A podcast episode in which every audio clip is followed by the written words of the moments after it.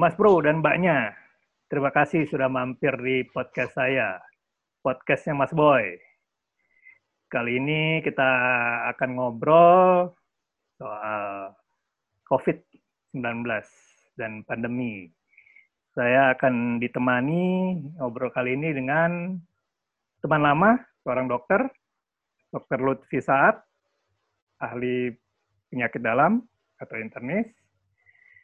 Uh, dia berpraktek di Puri Medika dan Rumah Sakit Pelabuhan. Gitu. Mungkin sekarang lelah habis berpraktek bela-belain buat kita semua mendengarkan ini. Halo dok. Ya, halo. Selamat ya. malam semuanya, teman-teman semuanya. Iya. Ya, gitu. Baik. Baru pulang dok praktek? Ya pulang biasa sekitar setengah, setengah tujuh jam tujuan gitu sudah sudah sampai rumah lagi. Sampai rumah lagi ya. gitu. ya. Hmm, uh, ya, pandemi ini lebih padat apa enggak? Sebenarnya kalau jumlah apa maksudnya padat itu jumlah pasien atau gimana? Ya per prakteknya hmm. jadi lebih lama di rumah sakit ya, banyak uh, enggak dua. memang sengaja selama masa pandemi ini kita hmm. memang diminta ya untuk mengurangi uh, apa jumlah frekuensi praktek ya oh, kemudian okay. juga uh, jumlah pasien ya kita batasi okay. ya juga hmm. pada saat kontak kita praktek juga kita tidaklah berlama-lama terhadap pasien itu aja memang dibatasi jumlahnya oh, gitu. semuanya itu hmm. dari Eh, masing-masing ya? semua rumah sakit masing-masing punya kebijaksanaan tersendiri sih biasanya begitu. Gitu ya. Ya. Uh, Walaupun ada payungnya ya dari pasti, pasti. kesehatan ada ya. Untuk dokter yang sudah 60 tahun ke atas juga diminta mungkin dia tidak praktek hmm. dulu gitu ya selama ini. Gitu, hmm. gitu. Tapi pada saat sekarang kan sudah masa transisi nih hmm. ya untuk PSBB-nya. Nah, ini hmm. mungkin sekarang sudah mulai lebih longgar lagi jadi masing-masing nah. dokter memberi diberi kebebasan ya untuk bisa menambah jadwal prakteknya kembali gitu loh. Oh. Tapi tetap nanti uh, dari dokternya sendiri yang akan ini. Tapi iya. rambu-rambu yeah. rumah sakit tetap ada, tetap ada. Tetap ada ya. Tetap ada. Hmm. Oke. Okay. Apa nggak diperbantukan gitu untuk uh, menangani pasien COVID-19 ini di rumah sakit? diperbantukan bagaimana maksudnya? Ya sebagai tenaga ahlinya misalnya internis diperbantukan mm -hmm. untuk untuk apa namanya dokter dokter yang macam dokter jaga gitu. Iya, jadi semua pasien yang datang itu ya tetap kita kita kita perlakukan kalau memang ada indikasi ke arah COVID. Mm -hmm. Ya, kalau rumah sakit saya ini kan memang bukan rumah sakit rujukan. Oke. Okay. Ya bukan okay. rumah sakit rujukan. Jadi hmm. dokter tetap kita kita uh, semua ada timnya ya dalam okay, suatu okay. rumah sakit itu. Hmm. Jadi ada dokter UGD-nya, dokter ada tim yang khusus untuk menangani pasien-pasien yang uh, terindikasi ya atau memang kita mencurigai uh, hmm. mengarah ke arah COVID ya. Itu ada ada ada step-stepnya, ada protokolnya. Ada protokol Jadi ya. semua saling saling dalam satu tim itu memang saling bantu membantu ya kita oh, bantu okay. kita tidak sendirian Ya, okay. kita bisa dengan disiplin ilmu yang lain, dokter spesialis paru juga terlibat, dokter hmm. spesialis anestesi terlibat, semua terlibat, hmm. gitu. Hmm. Dalam Sampai satu perawat-perawatnya juga. Dalam satu rumah hmm. sakit ya? Iya, dalam satu rumah ah. sakit. Hmm. Jadi kalau di rumah sakit dokter nih tempat praktek, hmm. ketika hmm. Ter, ada pasien yang terindikasi, hmm. eh, tanggapan hmm. tanggapannya gimana dok? apakah langsung dirujuk ke, ke rumah sakit rumah sakit yang memang rujukan atau bagaimana penanganannya? Enggak, ada di satu di rumah sakit uh, rumah sakit pelabuhan ya. Jadi kita uh masih bisa menerima pasien itu okay. selama satu dua hari, tapi terus hmm. kita langsung rujuk. Kita langsung oh, gitu rujuk. Gitu ya. Kalau dia sudah itu memang sudah mengarah ke ada indikasi ke arah COVID. Uh. Jadi kita mungkin uh, memang pada saat dia masuk itu kita screening. Kita screening awal dari pemeriksaan darah, foto ronsen, semua dikonfirmasi dengan dokter spesialis parunya, dengan dokter ahli radiologinya, apakah ini ada terindikasi COVID. Kalau seandainya tidak, hmm. ya dia bisa masuk. Tapi hmm. ada juga beberapa pasien yang dari awalnya memang pada saat di UGD memang tidak tidak terlihat ya. Nah, Jadi dari hasil laboratoriumnya biasa-biasa saja, kemudian hmm. foto ronsen parunya juga kelihatan bagus, normal, hmm. tapi dalam perjalanan penyakitnya selama dia dirawat di ruangan hmm. itu mengalami perburukan. Nah, hmm. itu suka beberapa kali kita kecolongan seperti itu ya. Ada pernah kasus yang seperti itu, lampi terus langsung kita swab ya kemudian langsung hmm. kita segera kita rujuk seperti itu rujuk ya itu rujuk kita nah rujuk. itu kan yang menarik jadi gini ya dok hmm. ya itu dia tadi kan berarti tidak semua orang yang terkena ya hmm. ya kan hmm. apa ya terkena ya indikasi terkena itu eh, sehat-sehat saja kan ya atau sakit. Ya atau dia sehat-sehat saja gitu. Nah itu memang eh, gimana ya buat kita kita ngontrolnya ya? Kita kayaknya sehat-sehat aja nih gitu, tapi kan belum tahu ya. Apakah memang kita harus tes ke rumah sakit atau ke rumah sakit rumah sakit rujukan atau gimana ya? Ya, eh, pada dasarnya memang kita mesti ada tahu ya ada misalnya ada istilah OTG orang tanpa gejala ya, ya. kemudian ada orang dalam pantauan ODP dalam pasien hmm. dalam pengawasan PDP ya dan hmm. pasien yang terkonfirmasi ya sudah di PCR. Nah, hmm. buat buat kita sekarang ini memang selama kita tidak ada riwayat uh, apa ya istilahnya kalau misalnya tidak ada gejala mm-hmm. ya tidak ada gejala misalnya di kita sekarang ini ya tidak ada gejala ya kita kita tidak nggak nggak nggak usah memeriksa ya kecuali mm-hmm. kalau pada saat itu kita ada gejala misalnya mm-hmm. kita ada demam atau mm-hmm. dari demam itu kita mempunyai uh, gejala infeksi saluran pernafasan atas mm-hmm. seperti kayak nyeri menelan ada batuk mm-hmm. ada pilek nah itu baru kita bisa melakukan pemeriksaan. Hmm. Ya, pertama biasanya langsung ke dokter, nanti dokter akan melakukan screening di ronsen hmm. sama di foto, uh, pemeriksaan darah perifer lengkap, istilahnya DPL ya. Okay. Nanti dilihat di situ. Hmm. Kalau seandainya memang apa uh, hasilnya mengarah dokternya akan menilai dia curiga nih oh mesti ini harusnya diperiksa dengan rapid test dulu misalnya hmm. Hmm. ya nah kita lakukan rapid test ya. Hmm. Nah, kalau misalnya dia dengan bergejala di hasil rapid testnya negatif, hmm. nah tujuh hari sampai 10 hari kemudian dia kita ulang ya hmm. untuk melakukan rapid test kembali. Yeah. Nah, andai kata orang itu tidak ada gejala, yeah. tadi kan yang bergejala nih misalnya. Nah, hmm. kalau misalnya nggak ada gejala kita, kita sebenarnya ya tadi kalau kitanya ada gejala, ya hmm. memang sebaiknya ke dokter. Tapi hmm. kalau tidak ada gejala, hmm. kita tidak gejala sehat ya. Mm-hmm. Tapi kita mau melakukan pemeriksaan rapid test boleh-boleh saja mm-hmm. ya, tidak ada larangan mm-hmm. ya untuk mengetahui dilakukan mm-hmm. rapid test gitu. Kalau tidak ada gejala ya, mm-hmm. tapi selama tidak ada gejala ya kita tidak tidak nggak usah gitu. memeriksakan gitu. sebaiknya ya. Kalau tidak ada gejala. Kalau ada gejala ya. Kecuali kalau ada gejala ya, kecuali ada uh. gejala. Atau misalnya begini Boyan, uh, ya, misalnya kita uh, uh, kontak erat dengan orang yang sudah terkonfirmasi COVID.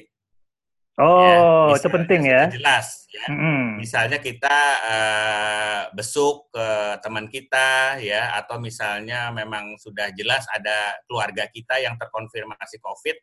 Nah, kita ini mm. tidak ada gejala, tetap. Mm. Nah, itu kita harus kita kita memeriksakan diri, mm. walaupun kita tanpa gejala.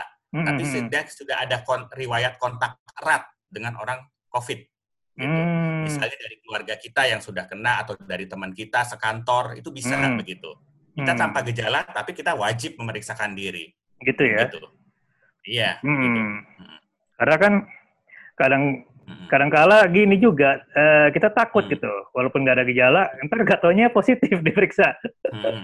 justru kan justru malah 80% itu OTG orang tanpa gejala itu dia justru 80% uh-uh. 80% orang tanpa gejala memang. Nah, hmm. yang bermasalah kan kalau misalnya eh, oke okay, kalau dia daya tahan dia bagus ya, eh, daya hmm. sistem kekebalan tubuh dia bagus, dia nggak ada masalah, tapi dia bisa ber apa?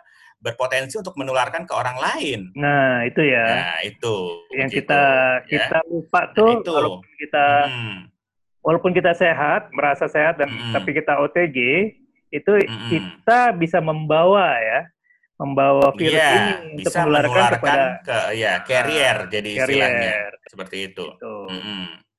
gitu. Jadi ya antara perlu juga wajib juga gitu ya, mm -hmm. betul ya. Mm -hmm. Gitu. Nah, benar. Apalagi kalau sudah jelas kita ada kontak erat ya kontak erat sama ya. orang yang sudah terkonfirm ya mm -hmm. dengan uh, apa uh, COVID ya atau mungkin pasiennya masih pasien dalam pengawasan gitu ya kita hmm. uh, satu rumah, kita satu kantor, tidak harus dia dia confirm. Dia misalnya belum confirm tapi dia pasien itu uh, sudah dinyatakan PDP, pasien dalam pengawasan. Nah, itu kita juga bisa memeriksakan diri Oh, langsung. PDP juga ini ya. PDP itu bisa, ya, bisa. semacam tidak OTG pasien dalam juga ya? pengawasan. Ya? Jadi kalau P, uh, iya, bukan kalau pasien dalam pengawasan sudah ada gejala. Sudah ada gejala. PDP okay. sudah ada gejala. Oke. Okay. Ya, kalau OTG tanpa gejala dia sehat. Tapi kalau hmm. PDP dia sudah ada gejala demam, ya, kemudian ada infek okay. eh, ditambah dengan apa eh, gejala-gejala uh, yang lain yang berhubungan dengan saluran pencernaan, misalnya batuk, pilek, hmm. hmm, hmm ya, hmm. atau sakit menelan. Nah hmm. itu udah masuk PDP dia, pasien dalam hmm. pengawasan. Itu gitu. kita wajib ya, wajib, wajib. Uh, untuk tes hmm. ya. Gitu. Meriksa, meriksa diri lah sebenarnya ya gitu. Oke, terus pemakaian seberapa efektif sih pemakaian masker itu sebetulnya? Ya harus. Memang sekarang kan sudah ada dicanangkan sama pemerintah setiap ah. keluar rumah itu harus pakai masker. Hmm. Ya daripada nggak pakai masker ya dia harus pakai masker lah. Minimal kan bisa bisa melindungi ya. Itu kan kita tahu penularannya kan itu secara droplet ya. Hmm. Secara droplet air artinya ya? uh, dia uh, dari air liur atau dari percikan dari hmm. apa uh, cairan dari badan orang tersebut. Nah, dia entah bicara, entah batuk, entah bersin, nah itu bisa menularkan.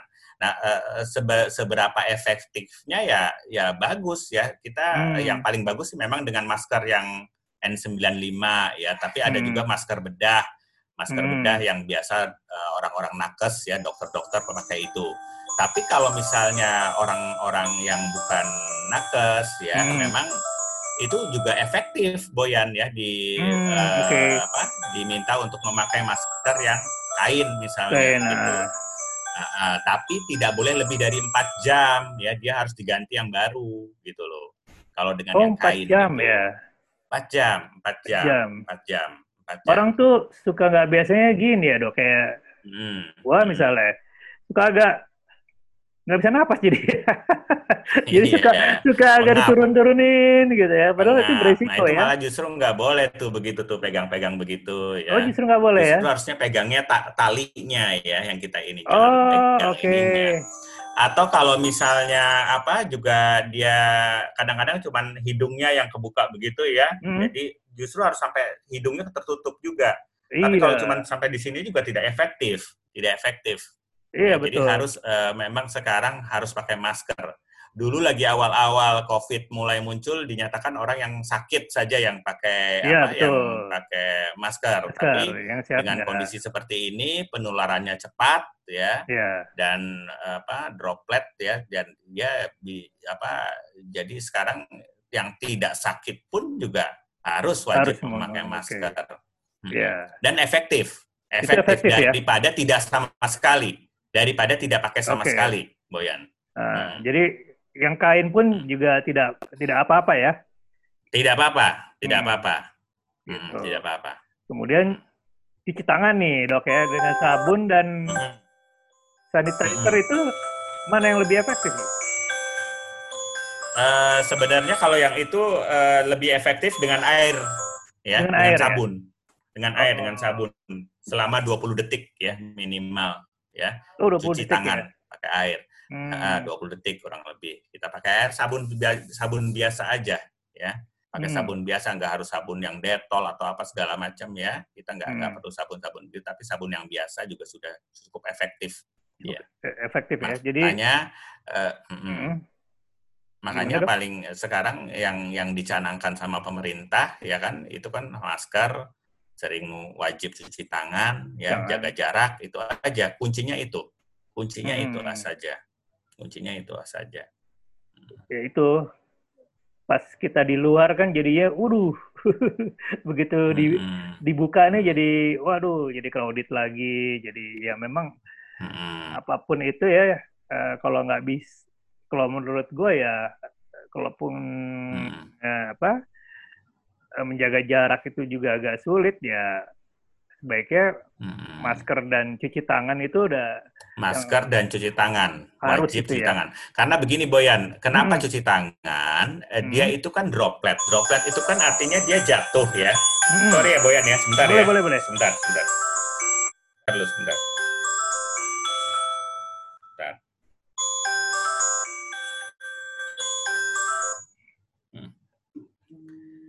Apa uh, dia itu kan jatuh ya hmm. si droplet itu bisa turun ya tapi dia bisa bertahan di barang-barang yang terkontaminasi, misalnya meja atau hmm, pegangan pintu, ya, betul. ya dia bisa bertahan lama di situ. Nah kita tanpa menyadari kadang-kadang kita megang, megang tuh ya. mejanya, ya atau hmm. kita memegang dengan, nah itu tanpa kita sadari terus kita akhirnya memegang wajah kita, hidung hmm. kita atau kucek-kucek mata kita, ya atau apa apa mulut kita kadang-kadang hmm. kalau kita tidak memakai masker. Nah itu di situ di situ apa uh, makanya pentingnya kita harus sering cuci tangan karena hmm. justru uh, kita uh, tertularnya dengan barang-barang yang terkontaminasi dari virus hmm. yang sudah jatuh ya dia turun begitu droplet turun artinya dia batuk hanya satu meter dua meter tapi virusnya itu jatuh Nempel. ke permukaan barang yang ada ya. di sekitar dia itu nah, ya yang gitu. jadi jadi masalah tuh itu ya dia itu. ada di situ jadi harus wajib yang namanya cuci tangan cuci tangan, cuci tangan jangan sampai tidak cuci tangan harus sesering mungkin nah, uh, si droplet virus ini dalam droplet yang nempel di benda-benda hmm. meja misalnya itu hmm.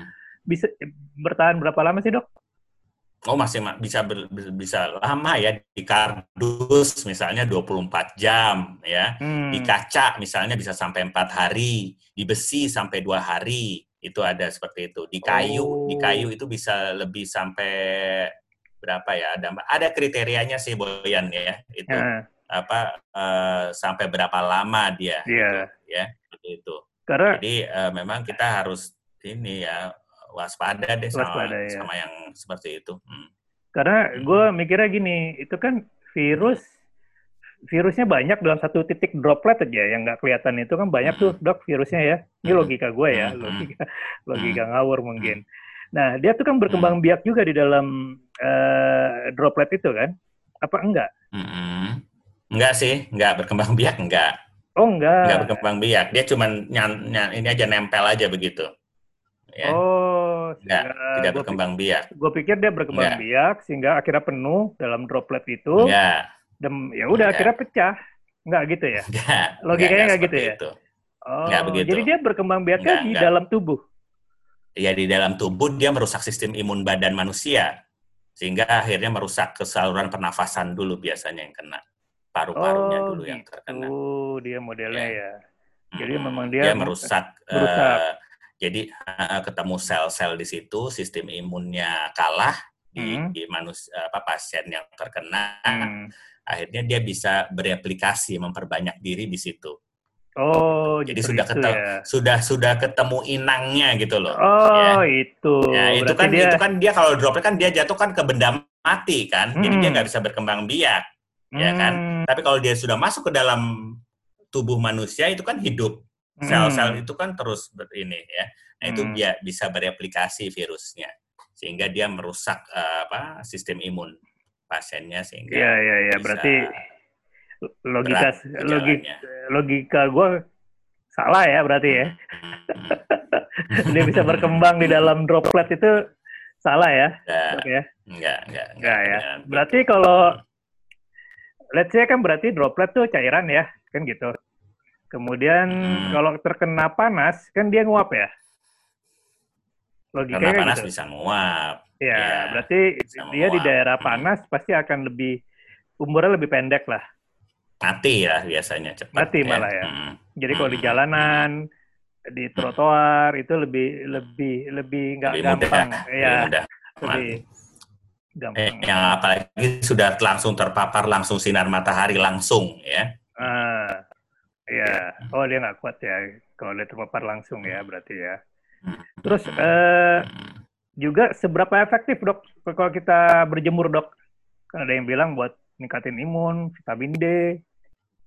Ya, itu kan udah termasuk salah satu uh, bagian dari protokol dari kesehatan juga ya kita diminta hmm. untuk berjemur ya hmm. ya lumayan ya kalau jemur itu kan kita artinya kan kena sinar matahari ya hmm. selama 10 menit gitu 10 menit hmm. sampai 15 menit paling lama ya itu juga cukup efektif ya hmm. sehingga kalau kena kena sinar matahari kan otomatis virus-virus yang ada di dalam badan kita juga tidak bisa apa berkembang, berkembang ya? biak gitu. Hmm. kena panas di situ ya. Kena panas. Oh jadi memang harus nah, itu juga harus ya itu itu bagian aja bagian bagian ya? bagian, bagian dari apa eh, salah satu ya supaya kita terhindar ya hmm. dari apa ya supaya daya tahan tubuh kita bagus ya. Hmm. itu contohnya salah satunya adalah kita diminta untuk berjemur seperti berjemur ya. Jadi di mana-mana nih juga ada yang udah turun udah udah apa jumlah ya jumlah terpapar yang sudah turun hmm. ada yang meningkat juga masih gitu. Itu kira-kira kalau di Indonesia itu Jakarta lah terutama ya dok ya. Kira-kira tuh kapan ya dok ya berakhir ya?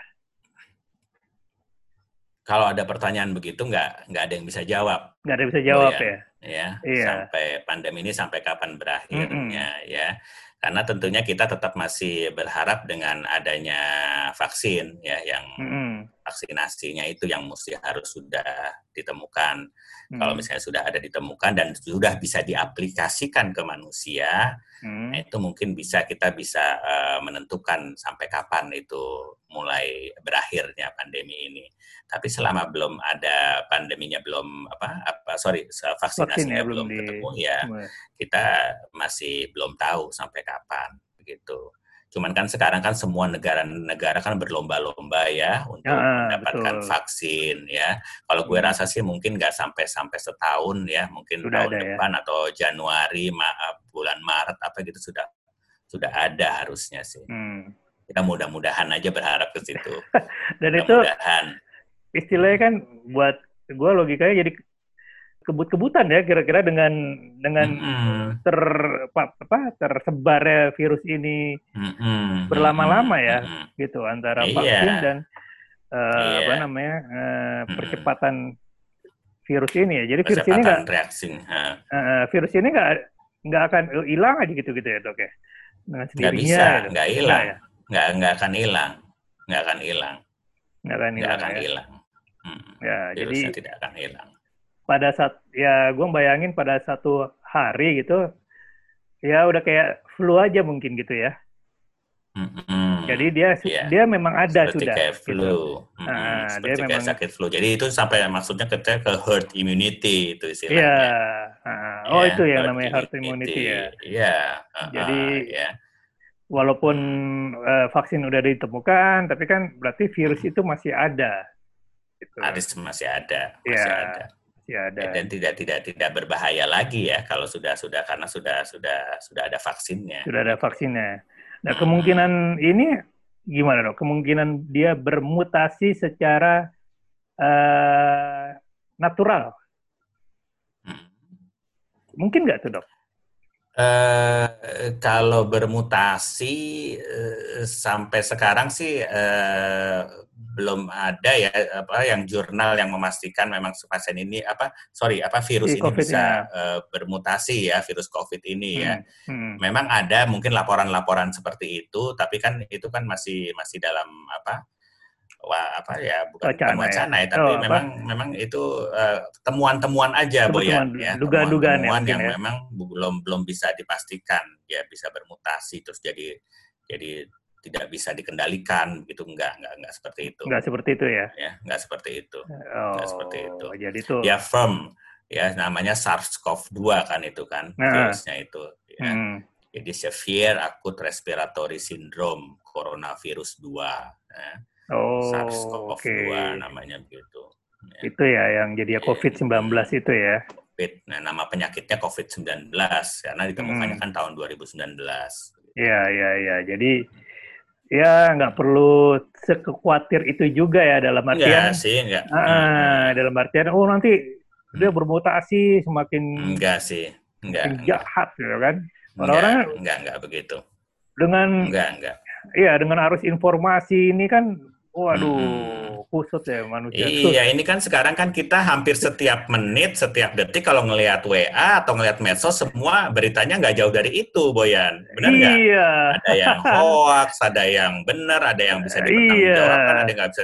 Semua nggak nggak ada yang bisa mengontrol itu. Betul. Nah mau nggak mau timbul deh semua persepsi-persepsi orang gitu. Oh ini begini, oh begini segala macam deh. Nah, jadinya. Itu dia. Makanya ya. gua. Itu yang jadi justru malah jadi apa ya ya orang juga jadi banyak stresnya ya. Iya, jadi justru stres kan nggak boleh juga, juga ya, dok ya. akan, ya. Akan terpengaruh ya seperti itu.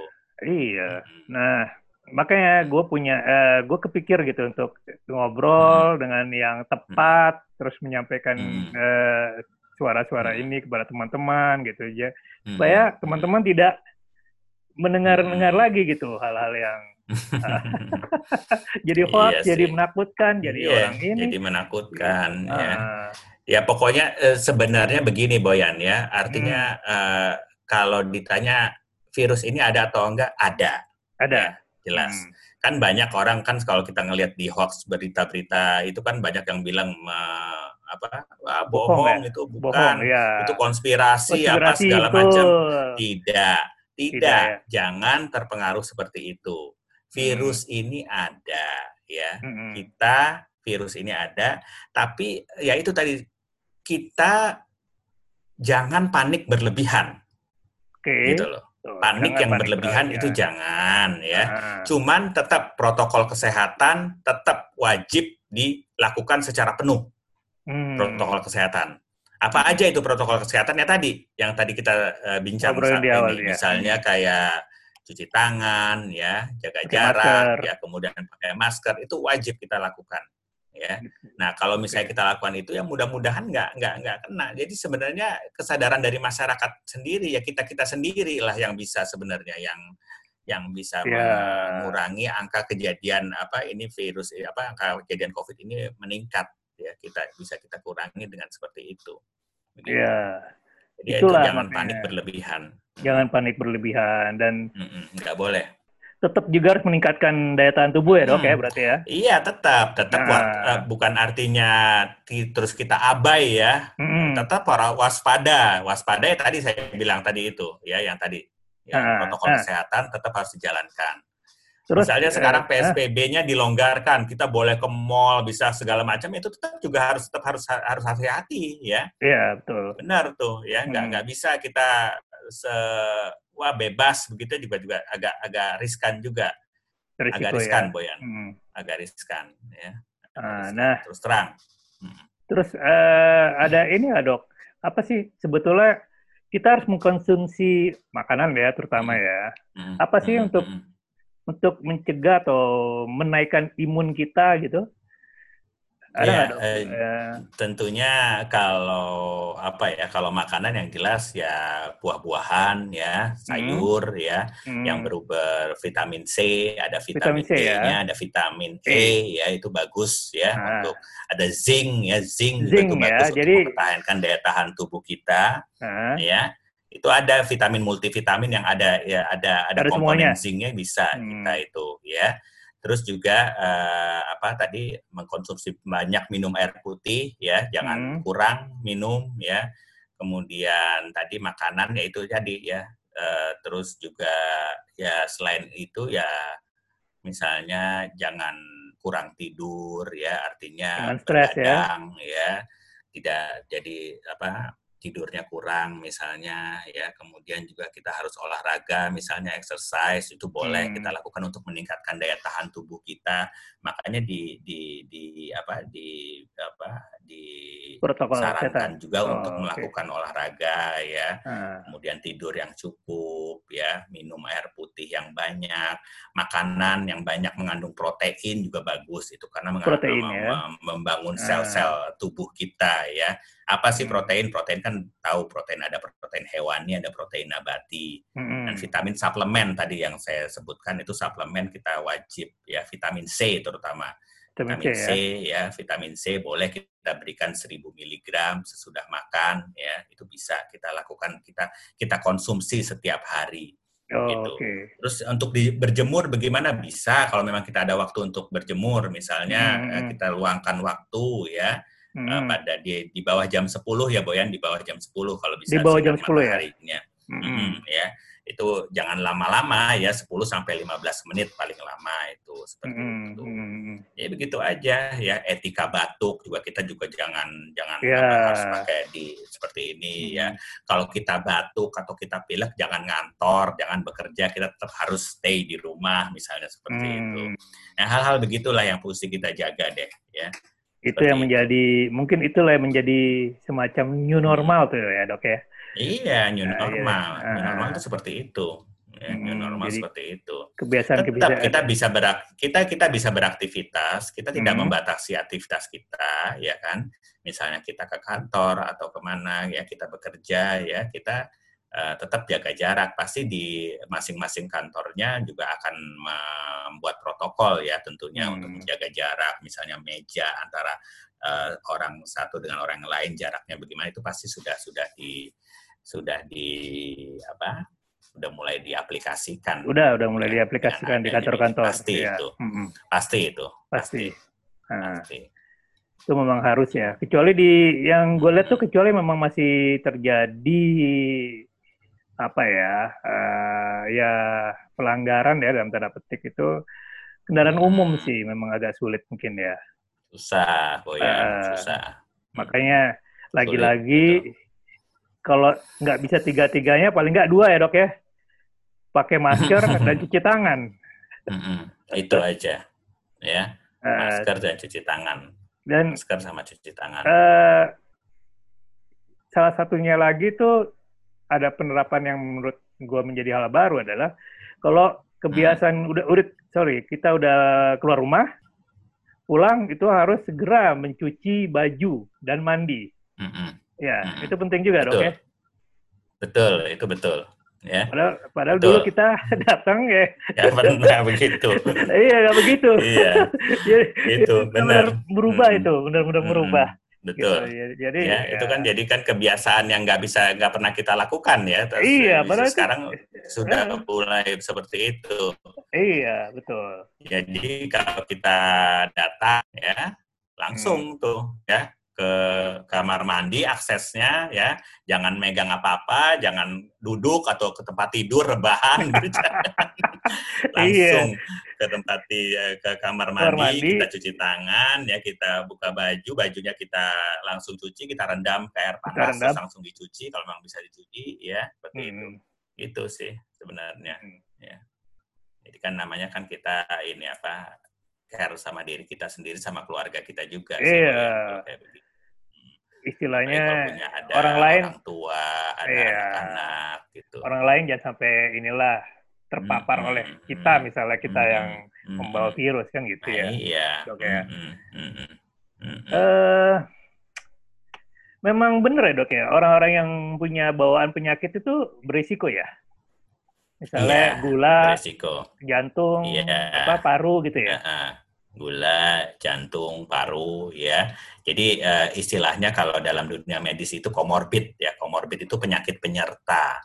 Ya. Oh. Ya, orang yang punya sakit hipertensi, orang yang punya diabetes mellitus, ya, orang yang hmm. punya sakit ginjal, misalnya dia cuci darah, ya, hmm. orang yang mempunyai penyakit paru obstruktif kronik atau PPOK kita sebut. Betul. Jadi Apa orang yang uh, ada riwayat merokok dia. Waduh dia melewat merokok, merokok hmm. berat, tapi terus ada istilah namanya penyakit paru obstruktif kronis, mirip penyakit asma, Boyan. Nah, mirip. tuh. Ya, mirip penyakit asma. Ya, gejalanya seperti sakit tuh, asma, ya kan?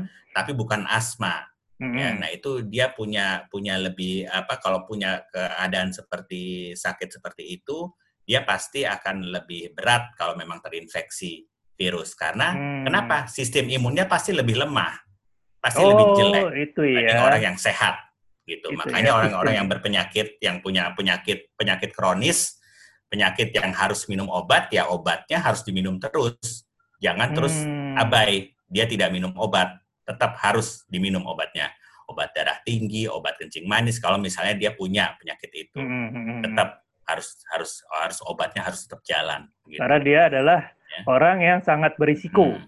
untuk terkena ya. Risiko. ya. Karena bukan berisiko, jadi ya berisiko terkena dan pun kalau misalnya dia kena, dia akan mendapatkan uh, bisa uh, menjadi gejalanya lebih berat gitu loh, Boyan. Oh, okay. Dibanding orang yang tidak punya penyakit penyerta begitu. Uh, penyakit penyerta Seperti ya. Itu. Hmm. Apa tadi morbid? Comorbid komorbid, penyakit komorbid itu ya tadi diabetes, hmm. hipertensi, terus penyakit paru obstruktif kronis atau kita sebut PPOK ya. PPOK ya. Itu ya mungkin mungkin lo belum pernah dengar ya, tapi hmm. itu jelas ya orang-orang yang perokok berat itu nah, ujung-ujungnya nah, itu, itu PPOK. Hmm. Nah, itu dia ya. buat hmm. orang-orang yang mendengarkan ya. podcast gua nih. Hmm. Ya kan? lu, lu semua ya. yang perokok hmm, berat hati-hati ya. hati-hati. Nah, itu malah bisa jangan ya seperti nah, itu. Gitu. Ya. Padahal tuh hmm. Beberapa di antaranya itu gua ada tuh dok darah hmm. tinggi, hmm. udah jantung, hmm. jadi apa klep gua tuh klep gua tuh nggak buka penuh. Oh iya, katup uh, jantungnya ya. Iya, hmm. katup jantungnya. Baru ketahuan hmm. baru hmm. baru berapa bulan Eho, lalu. baru ketahuan. Hmm. Huh? Hmm. Iya, karena hmm. sering capek, hmm. sering sesak. Hmm. Gara-gara juga nggak sengaja. Gara-garanya hmm. Batuk aja, batuk terus ke dokter hmm. umum. Hmm. Dokter umum pas periksa, ini kok kayaknya detaknya agak gangguan irama jantung ya. Iya, irama jantungnya nggak teratur. Nggak teratur ya Pak, hmm. gitu. Bapak habis jalan hmm. habis ini ya tadi sih jalan hmm. di river lah ke dokter jantung. Hmm. Dari sana lah saya ketahuan. Baru ketahuan ada kelainan jantung. Kemudian biasanya dikasih ada... dikasih dikasih beta blocker tuh biasanya, bisoprolol atau apa obat yang memperlambat detak jantung iya. biasanya, iya. biasanya. Awal-awal tak, takut loh dok, saya dok karena hmm. loh, kan ngedrop ya ininya kan, detaknya kan ngedrop ke, ke terasa kan? Enggak, kayak detak nyasar gitu. Tek, eh kok ada ada kayak nyasar di detak iya. jantung gue nih begitu. Uh, uh, jadi kayak iya kan? misalnya dedek, beda dedek, gitu, tep begitu. Gitu, uh, uh, uh, gitu. Uh, berasa. Berasa. berasa. Terus, Apalagi kalau dalam satu menit sering gitu, misalnya sampai lebih dari enam kali dalam satu menit, nah itu frekuensinya sering tuh kalau kayak begitu. Oh, itu bahaya nah, itu tetap harus di ya, Enggak, enggak tetap dikasih obat. Lu pasti obat dikasih aja, ya? obat tuh sama uh, uh, dikasih obat. Jadi ya. itu kan ada ukurannya kalau nggak salah sampai sekian gitu. Kalau sampai sekian belum belum bahaya, belum harus Iya, uh, uh, nggak harus nah, operasi, enggak, uh, nggak harus operasi. Nah, Cukup hanya dengan Bapak, diberikan obat uh, saja. Cuman jadinya adalah sumur hidup ya dok itu, itu ya. Iya, kelainan katupnya. Paling begini nanti dievaluasinya setahun sekali, misalnya di echo lagi jantungnya lagi. gitu. Iya. Di echo setiap tahun gitu, setahun sekali gitu. Ya. Iya, bilang Nggak, sih apa-apa. enam bulan sih dia bilang. Oh, enam bulan. 6 oh, bulan. ya tergantung ya. Uh, Kalau tapi kan jadinya apa -apa. menariknya gini, begitu udah sebulan berjalan terken eh, di diagnosis jantung itu COVID-19. Hmm.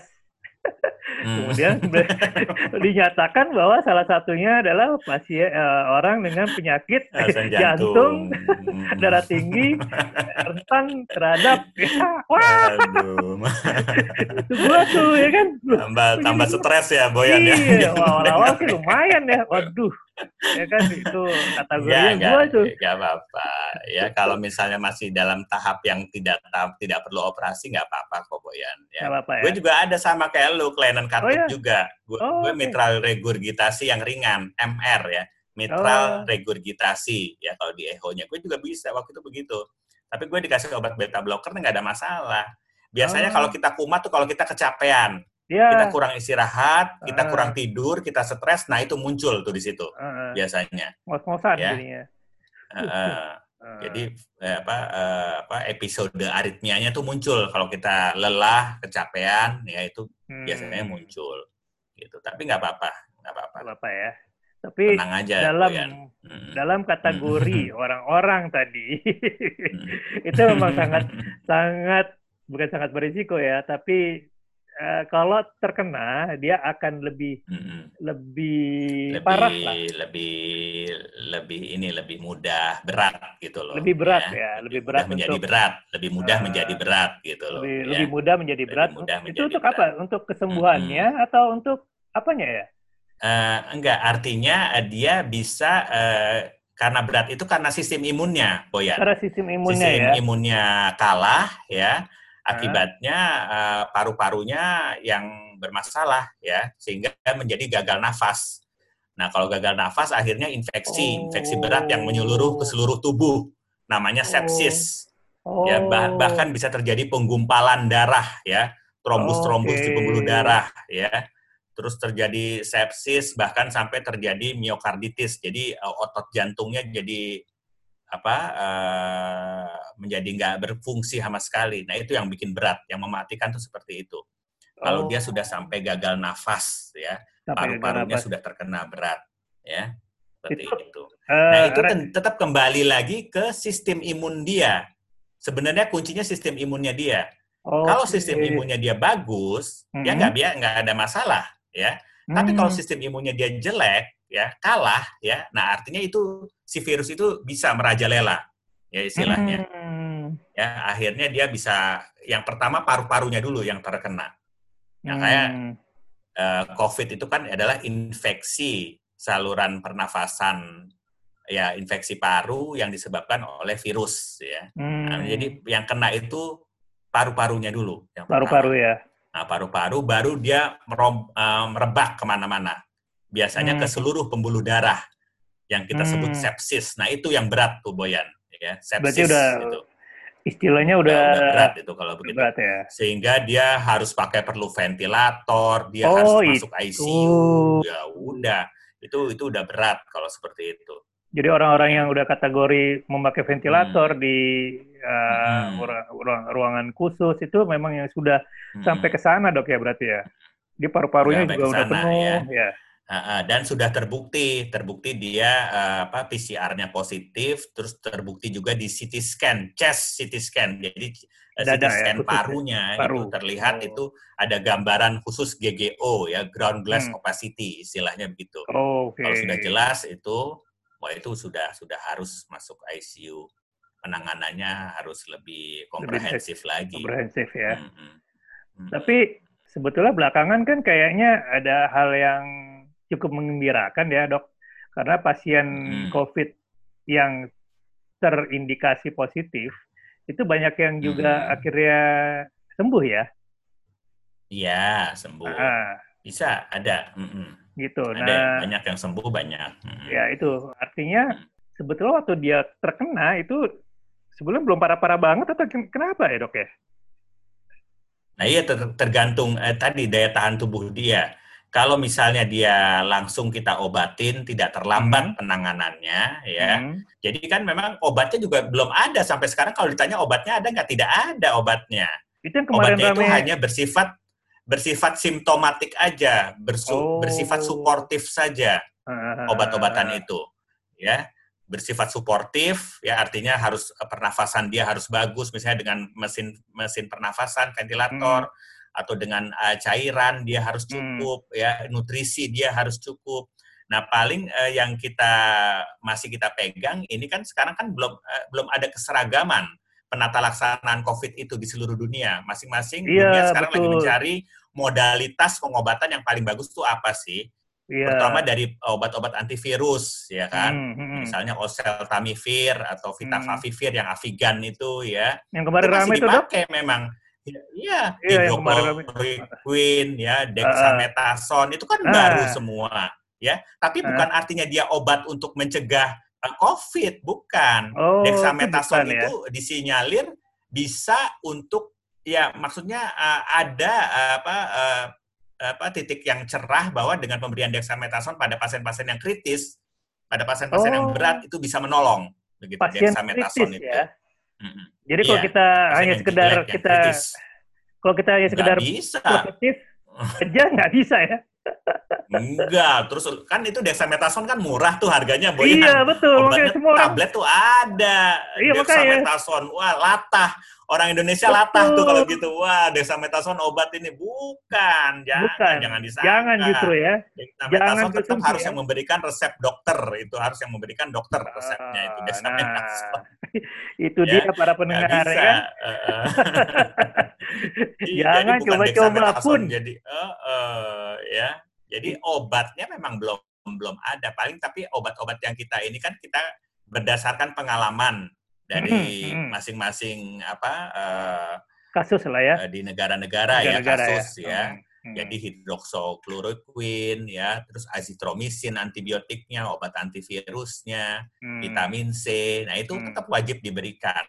Itu terapi begitu yang bisa meningkatkan daya tahan tubuh pasien itu sehingga pasien itu akhirnya tidak menjadi kritis dia misalnya terkena oh. COVID positif, uh. tapi dia selamat gitu, dia sembuh.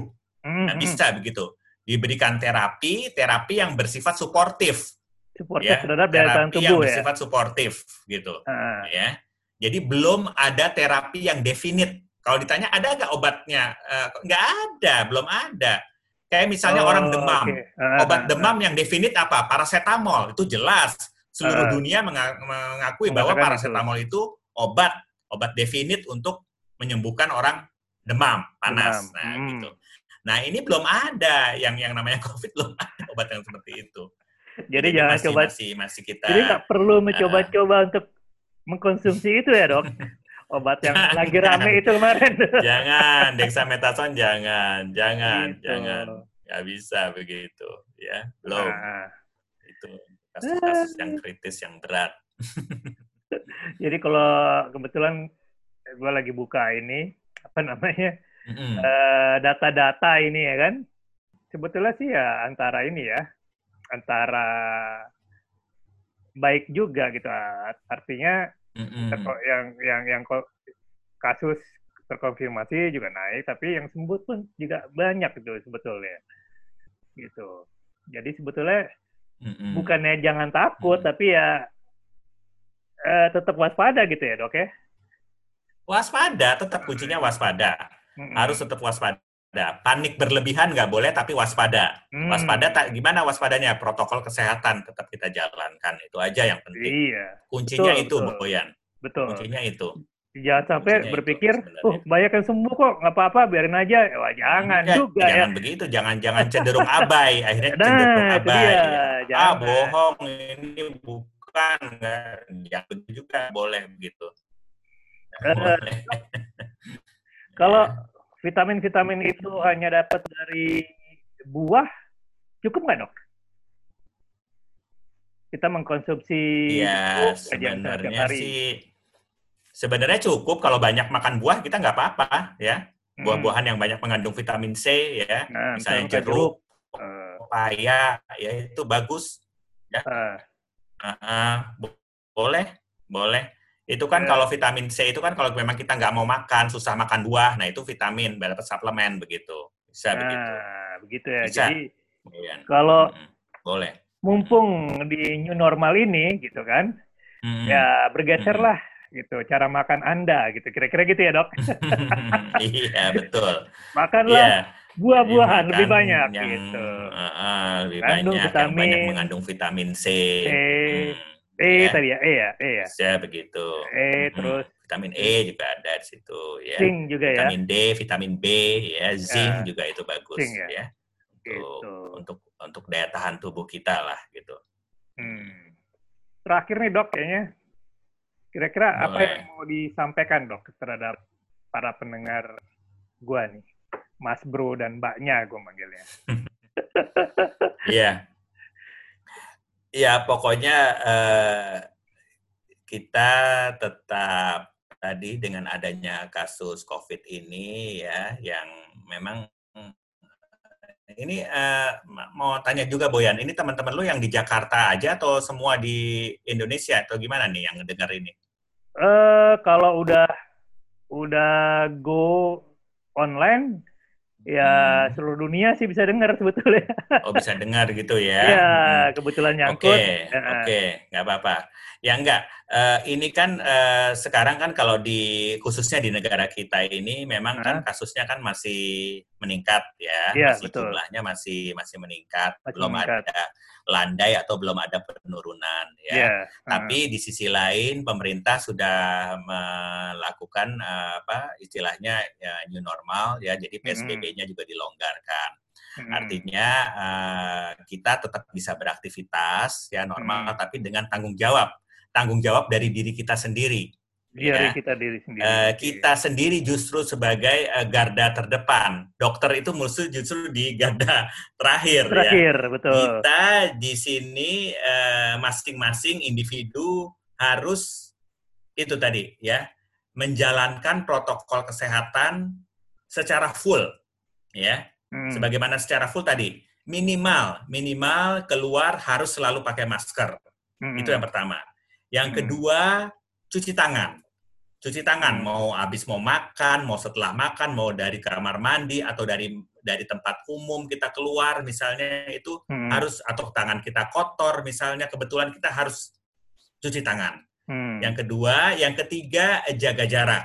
Hmm. Jaga jarak sebisa mungkin. Ya mungkin tadi uh, apa uh, Boyan bilang oh, kalau kendaraan umum atau bagaimana agak sulit ya. Hmm. Minimal kita jangan banyak ngomong ya hmm. sama orang kalau misalnya kita itu kan itu kan itu kan saling berdekatan itu hmm. ya hmm. hmm, hmm. itu yang yang kita kita lakukan itu sebenarnya hmm. nah uh, kalau kita sudah melakukan itu dengan tadi apa memakai masker kemudian cuci, cuci tangan, tangan kemudian jaga jarak, jaga jarak ya Uh, terus tadi uh, protokol seperti misalnya kita jangan kelelahan artinya harus cukup tidurnya, mm-hmm. makanan juga harus makanan yang bergizi, jangan mm. diet yang terlalu berlebihan, Tuh, boleh jangan diet, diet.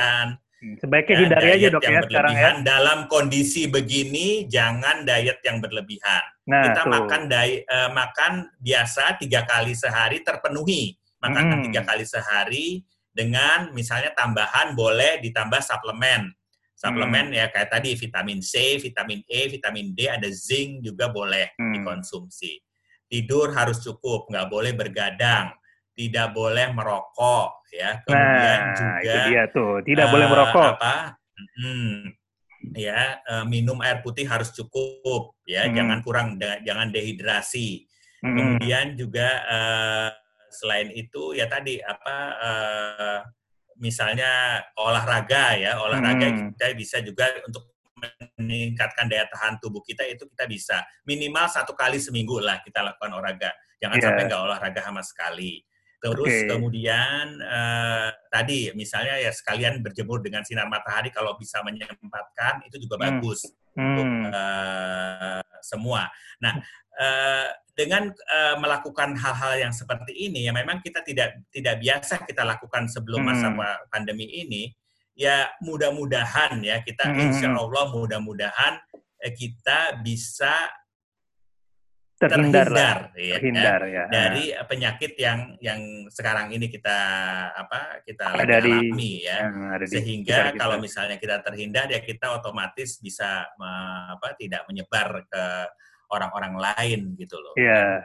Yeah. penyebaran atau peningkatan jumlah kematian tidak tidak bertambah, yeah. membantu jadinya. Seperti itu aja deh mungkin Boyan itu ya. yang bisa gue sampaikan ya. Dan jangan panik yang berlebihan.